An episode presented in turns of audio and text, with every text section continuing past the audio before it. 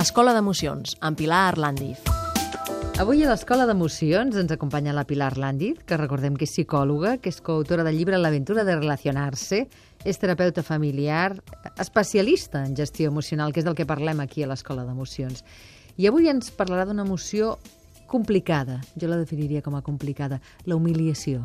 Hola, què tal? Doncs sí, complicada, realment dolorosa i en molts termes bloquejant, no? Ara, ara ho expliquem una miqueta més en detall. La humiliació és, és l'acte no? de, de menysprear una persona per qualsevol característica, no? Per, per sexe, orientació sexual, raça, cultura, pensament, per qualsevol cosa, no? I, i l'acte d'humiliar provoca un patiment amb l'altre molt alt, no? I sobretot amb, el, amb els infants que estan en una època molt vulnerable, clar, quan se senten humiliants, senten molta vergonya, es bloquegen fins al punt de, de, de que les seves forces cauen, no? perquè no saben què fer, estan bloquejats. No? Llavors, a mi m'agradaria apuntar una cosa que considero molt important, que és el fet de que a vegades es confon la disciplina Um, amb, o sigui, l'emulació es confon amb, amb, amb cert, certa forma de disciplina, d'acord? Perquè és allò de dir, quan a un, a un nen o nena li estàs dient uh, no saps fer això, ets un inútil, no? perquè en aquell moment no està responent com, com creient que ho ha de fer, és una forma d'humiliar, no? o criticar-lo o comparar-lo amb germans, germanes, amics o amigues, no? perquè el que estem fent amb aquest nen o nena és provocar-li un sentiment de molta inseguretat, de poca valoració, i aleshores és allò de dir això es, es reflecteix ràpidament amb la seva autoestima. Perquè, clar, és, és el fet de dir, quan un sent que no sap fer alguna i a sobre que l'altre li està dient però com és que no saps, encara hi ha més bloqueig, val? Llavors jo sí que diria que, que, que estiguéssim una mica alerta amb aquest tema, una mica molt, no?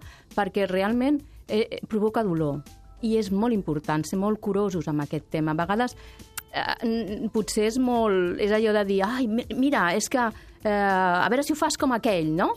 Clar, cadascú fa com pot, no? I tornem al que hem parlat moltes vegades en aquest espai, que és el fet de dir, cada nen o nena, mirem-los, veiem com els podem acompanyar i, i com nosaltres també gestionem tots aquests temes. És molt important, sobretot acompanyar-los. Acompanyar-los, i si aquell nen o nena no sap fer alguna cosa, o no és tan destre, o qualsevol, és com et puc ajudar com ho podem resoldre, de quina manera això serà més fàcil per tu.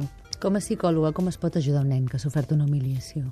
D'entrada és reconèixer-lo, acollir-lo, posar en paraules amb aquell sentiment perquè ell pugui començar a veure que, que, que no és cert allò, que, que, que realment l'estem valorant, no? perquè això és una altra cosa molt important els nens i nenes, és allò de dir, quan senten quan, aquests tipus de, de, de situacions per part dels seus pares, els hi fa molt de mal perquè, clar, busquen la valoració parental, no?